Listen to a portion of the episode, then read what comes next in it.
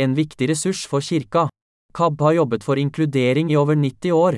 Er det egentlig viktig? Vi har spurt fire kirkeorganisasjonsledere. Vi trenger KAB som en ressurs for kirkene for å bidra til tilrettelegging og inkludering. Alle skal ha rett til å utøve sin tro, og KAB har spesialkompetansen som skal til for å inkludere blinde og svaksynte i kirka og trosfellesskap. De bidrar ikke minst med på å hjelpe oss til å være mer bevisst på hva som krever tilrettelegging, sier Erhard Hermansen, generalsekretær i Norges kristne råd. Hva er det KAB kan bidra med? KAB kan bidra med viktig og unik kompetanse. Jeg vil oppfordre KAB til fortsatt være frimodige og både utfordre kirkene og hjelpe dem til å bli mer inkluderende. Ikke minst er det til stor hjelp for lokale menigheter at KAB tilbyr kursing, tips og råd. Olav Fykse Tveit, preses i Den norske kirke.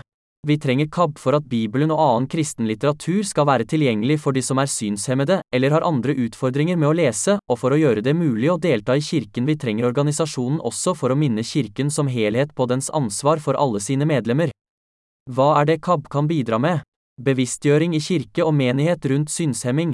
Informasjon og opplæring av kirkelige medarbeidere i hvordan tilrettelegge på en god måte. KAB er også viktig for å utvikle materiell. Per Inge Bjerknes, generalsekretær i Norges Blindeforbund.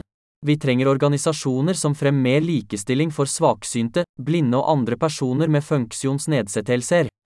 KAB har en viktig rolle for å fremme likestilling på livssynsområdet, et område som er veldig personlig, der funksjonshemmende barrierer kan oppleves som ekstra belastende. Som generalsekretær i Norges Blindeforbund ser jeg KAB som en viktig samarbeidspartner. Hva er det KAB kan bidra med? KAB kan bidra med møteplasser, med påvirkningsarbeid for likestilling og med kompetanse om tro og rettigheter for synshemmede. Da jeg vokste opp som sterkt svaksynt, hadde KAB viktige møteplasser der jeg fikk møte andre i samme situasjon.